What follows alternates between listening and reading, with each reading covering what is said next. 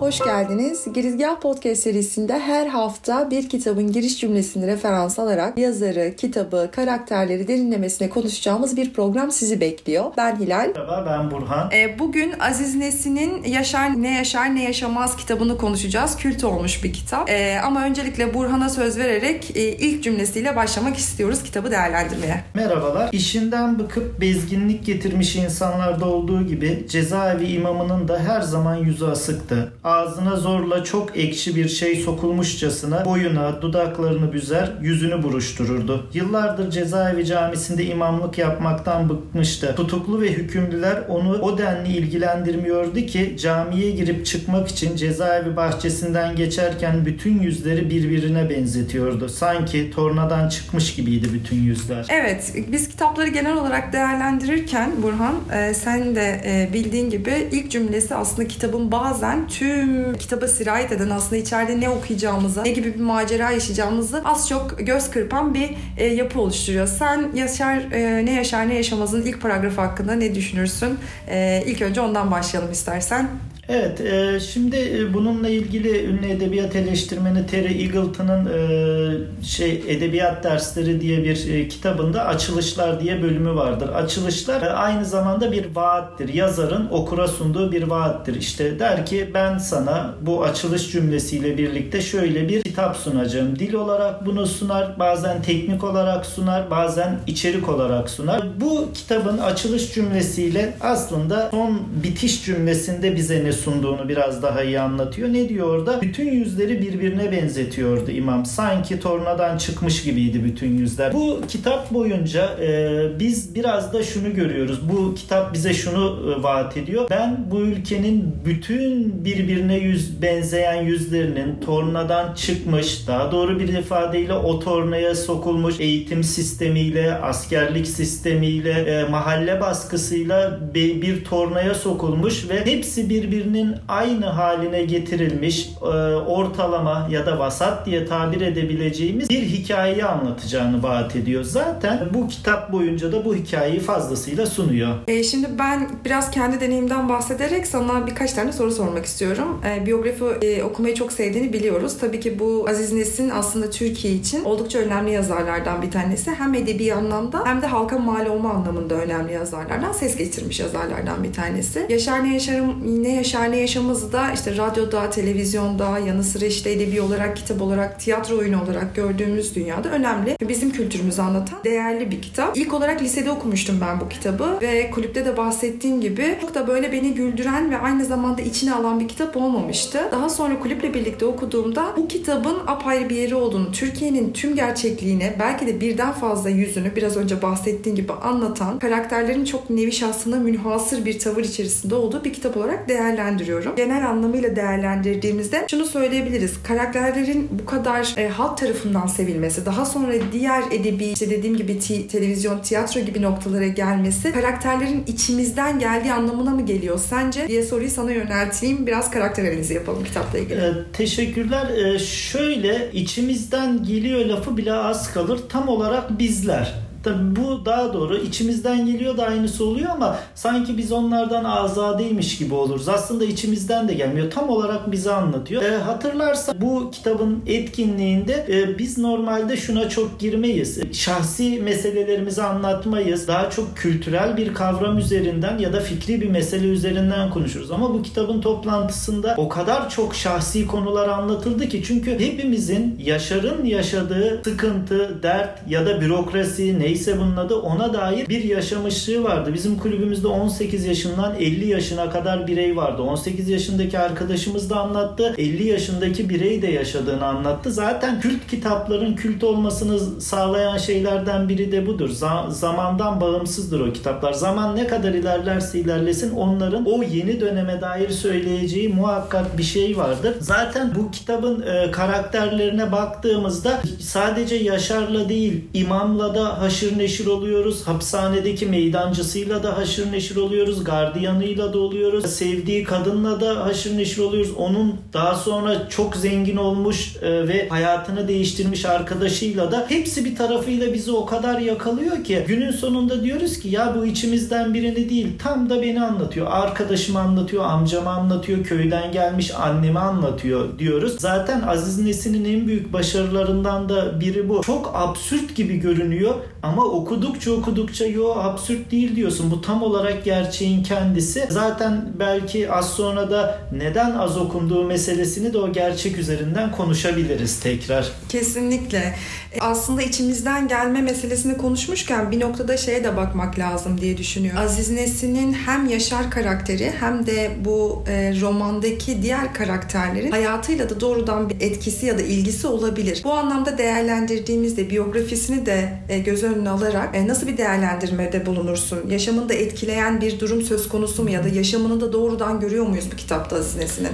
Şöyle sonuçta bu kitabın e, ana örgüsü devletin hantal bürokratik ve e, şöyle bir tabir vardır. Kayserili'ye sormuşlar iki kere iki kaç eder diye. O da alırken mi satarken mi diye sormuş. Şimdi devlet alırken bunun dört olduğunu söylüyor, söylemiyor ama verirken bu bazen beş oluyor, bazen hiç olmuyor. İşte bu devletin bu yapısı içinde tam olarak Aziz Nesin bazı noktalarda temas etmiş. Örneğin e, şöyle bir şey gelmiş başına biyografisinden biraz bahsederken zaten askeri okul çıkışlı bunu biliyoruz. Hatta e, genel kurmay baş başkanı olmak gibi bir ideali ve isteği var. O yüzden e, karacı olmak istiyor. İşte havacılar ve denizciler genel kurmayı başkanı olamaz diye o kadar e, askerliği benimseyen ve isteyen bir insan. Daha sonra rütbeleri artıyor derken bazı siyasi meselelerden askerliğin dışında kalıyor, atılıyor ve benzeri konular. Şimdi gelelim Aziz yaşamında e, onu bürokrasinin ya da devletin garip yapısının e, yüz yüze geldiği bir durum var. 6-7 Eylül 1955'te e, Türkiye'de Türkiye'de azınlıklara karşı çok büyük bir saldırı gerçekleşti. Bu saldırı o zaman işte Kıbrıs Türktür Cemiyeti'nin tarafından organize edildiği söylenen bir şey. Hala tam olarak bazı kısımları aydınlatılmasa da böyle bir kavram var ve bununla hiçbir alakası olmayan Aziz Nesin e, devletin şu mantığıyla gözaltına alınmıştır. Orada şey azınlıkların mallarına saldırıldı. Bazı malları talan edildi, e, yıkıldı, yakıldı. Komünistler de özel mülkiyete karşı karşı o zaman Aziz Nesin de komünist biz bunu Kemal Tahir'i ve birkaç kişiyi daha gözaltına alalım dedi. Birden 6-7 Eylül olayları komünist bir kısmın e, üstüne yıkılmaya çalışıldı. Bakın Aziz Nesin konuyla hiç alakası olmayan bir yerden devlet tarafından tutuluyor, çekiliyor ve e, derdini anlatmaya uğraşıyor. Bu süreçte hapiste geçiriyor, bazı kısımları hücrede geçiyor ve e, devletin bu yüzüyle de karşılaşıyor. Şimdi ya kitabın bir bölümünde şöyle bir şey vardı. Yaşar bir şapkasını kaybediyordu hatırlarsan ve e, o şapkasını almak için 40 tane daha yazı yazması gerekiyordu. Artık şapkasından vazgeçecek hale geliyordu. Aziz Nesin de neredeyse bütün bu hikayelerin daha da sert ve acısını devletin en sert yüzünü görmüş bir kişidir. Burada bunu biraz bize mizahi ve hafif yolla anlatmıştır diyebiliriz.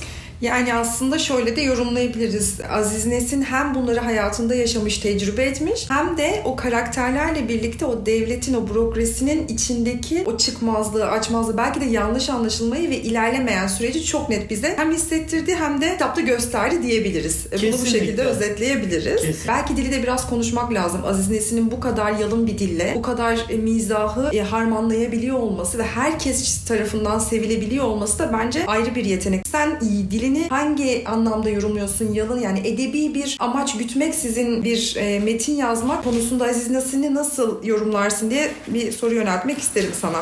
Tabi Aziz Nesin'in edebi olarak öncelikle çok üstün bir yeteneği var. İstese çok çok ağır, e, ağdalı bir dil de kullanabilir. Hatta onun böyle gelmiş böyle gitmez e, Aziz Nesin Anıları diye bir kitap var. Çocukluğunu anlattığı. Aslında 8 cilt niyetlediği ama yaşamında 3 cildini yazabildiği bir bölüm var. Orada annesiyle ilgili şöyle bir bölüm var Diyor ki 18'indeki annem o oyalara renkli kuka ipliklerinden değil de gözyaşlarından gözünün ışığından örer işler sanırdım. Anamın elinden çıkmış o oyalardan bir tekine şimdi bütün kitaplarımı bundan sonra yazacaklarımı da verirdim diyor. Ne kadar hassas e, bir şey. Şimdi istese Aziz Nesin bu hassasiyeti bu özel dili kitaplarında kullanabilirdi. Onun yerine Aziz Nesin ülkenin gerçeklerini mizahi bir yolla anlatma niyetine gitmiş. E, bunun da sebebi daha çok insana ulaşma niyetidir. Bir ikincisi e, Brecht'in bir sözü vardır. Hayatta ilk kez yaşandığında trajedi olan bir olay ikinci kez yaşanırsa komedi olur diyor. Mizah olur diyor. Şimdi bu Yaşar kavramı üzerinden bile konuştuğumuzda Yaşar o kadar çok trajedi yaşıyor ki bir süre sonra bunu mizaha vurmaktan başka bir şey yok. Brecht de bunu biraz ne için diyor? Eğer bunu böyle görmezsek o trajediler karşısında e, güçlü duramayız. Hayat bizi savurur. E, kendimize gelemeyiz diyor. İşte Aziz Nesin biraz da kendimize gelelim savrulmayalım diye bu trajedileri mizah yoluyla anlatmayı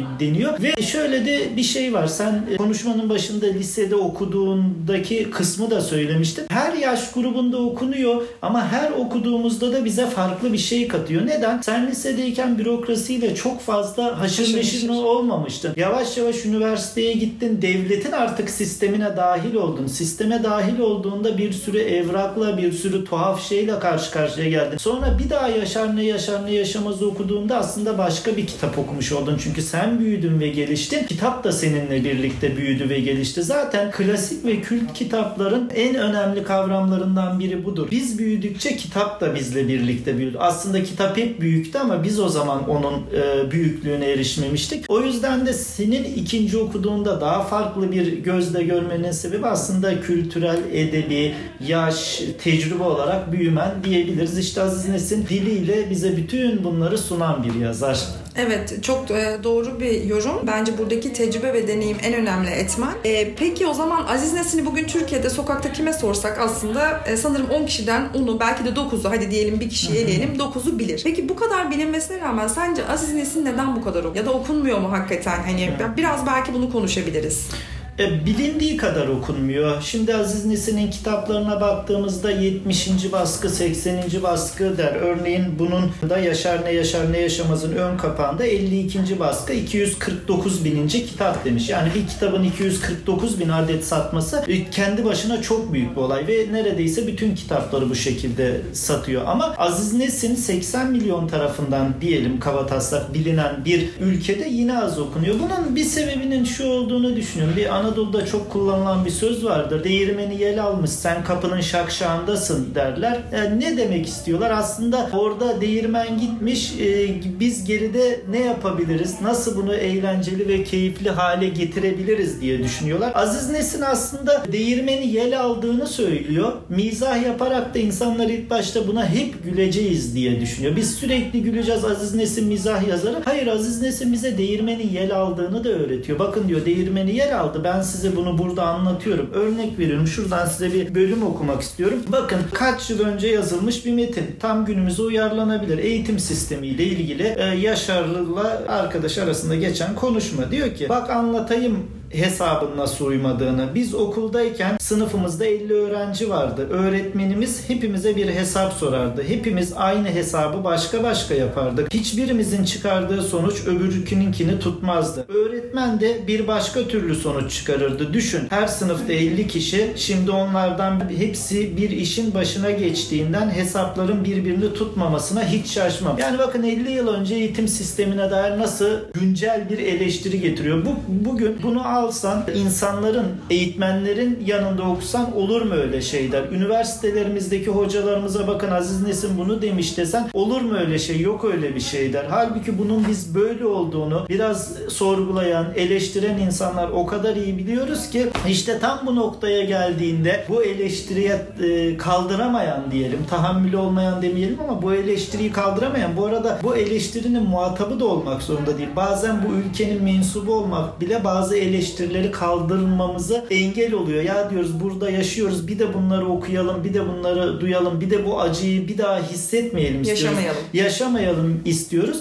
O yüzden de bu noktadan sonra aslında bu mizah kitabını bazen de acı çeke çeke okuyoruz. Ee, çünkü o işler başımıza gelmiş o eğitim, o eğitim sistemi tam içinden geçtiğimiz eğitim sistemi. O hesap yapanlar tam bizim bir hesap için başvurduğumuz ama doğru hesabı bulamayan kişiler derken e, bu mizah yavaş yavaş yavaş yavaş bir acıya doğru kayıyor. Belki de Aziz Nesin'in bu kadar çok bilinip az okunmasının bir sebebi de o mizahın içindeki acıyı insanların fark edip ikinci ya da üçüncü Aziz Nesin kitabına yönelmemesidir diyebiliriz. Şunu da söyleyebiliriz belki gerçekleş gerçeklerle yüzleşmek biraz zordur ya. Yani aslında içinde yaşadığımız dünyaya biraz daha toz pembe olarak bakmak bizi biraz daha iyi hissettirir. Devam etme yeteneğimize biraz güç katar ama günün sonunda bu sistem içerisinde eğitim olsun, bürokrasi olsun ya da katılabildiğimiz gün içinde yaşadığımız ya da hayatımızı etkileyen temel unsurların yanlışlığını görebiliyor olmak e, ve onlarla birlikte o acıyla birlikte yaşayabiliyor olmak insana insan için e, cesur davranma e, hareketini getirmek isteyebilir diye özetleyeyim. Peki Aziz Nesin'in birçok kitabını okuduğunu biliyorum. Biyografisinden de yerler verdin ama ben bir, bir önceki okuduğum kitabı işte Şimdiki Çocuklar e, harika kitabını okumuştum.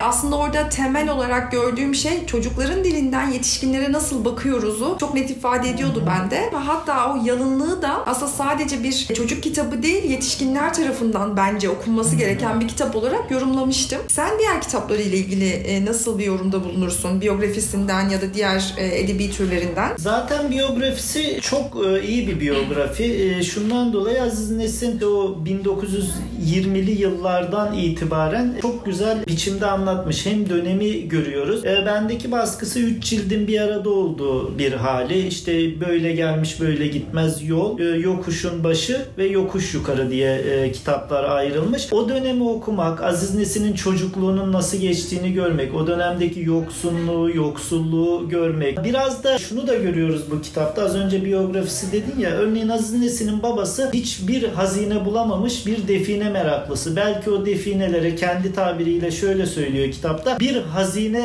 parası harcamıştır. O haritalara, o büyülü tılsımlara, o muskalara bir hazine kadar para harcamış bir insandır. Bakın alın size bir tane roman e, karakteri. İşte Aziz Nesin'in bütün hayatını değiştiren bir amcası vardır. Amca 3-4 dil bilen ama hiçbir şekilde o dönem devlette kabul görmemiş bir dervişti. Gerçek manada bir dervişti. Alın size bir karakter daha. Biraz da biyografiyi okuduğumuzda aslında yazarların neyi nereden çıkardığını da görüyoruz. Bir diğer çok bilinen kitabından bahsedeyim uzatmamak için. Zübük kitabı vardır. Aslında Zübük kitabı biz bunu yine 3 yıl önce kulüple konuşmuştuk. Onun etkinliğini yapmıştık. Zübük'te de nasıl ki buradaki bürokrasiyi eleştiriyor. O e, siyasetin nasıl kirli, insanların e, nasıl menfaatçi bir yapıda olduğunu o kadar çıplak gösteriyor ki o kitabı okurken de bir süre sonra ya bu kadar da değildir diyorsun ama sonra biraz düşündüğünde ya evet bu kadarız yani bizim siyasetimizin neden bu kadar bayağı olduğunu insanların bir siyasi gördüğünde neden el pençe divan durduğunu işte orada İbrahim Zübükzade karakterinin ne kadar adi bir insan olduğunu herkes bilirken e, Zübük yükseldikçe önlerinde eğilmeleri de neredeyse önlerinde secde edecek hale geliyorlar. Çünkü o da aslında tam olarak yine az önce bahsettiğimiz okunmamasının bir sebebi de İbrahim Zübükzade'nin önünde o adamın önünde eğilenlere kızıyoruz ama biraz da, da o zübükleri görüp biz de önünde eğiliyoruz. Hem deminki sorunun cevabı olsun hem de zübüğü anlatmış olayım biraz. O zübük de Türkiye'deki siyasi hayatı, Anadolu insanının o siyaset karşısındaki macerasını anlatması bakımından da muhakkak okunması gereken bir kitaptır diyeyim. O zaman bugünkü bölümümüzü, sohbetimizi Aziz Nesin'i çok detaylı konuştuk. Diğer kitaplarını konuştuk. Yaşar ne yaşar ne yaşamazı tamamlayalım. Bizi dinlediğiniz için teşekkür ederiz. Hoşçakalın. Hoşçakalın.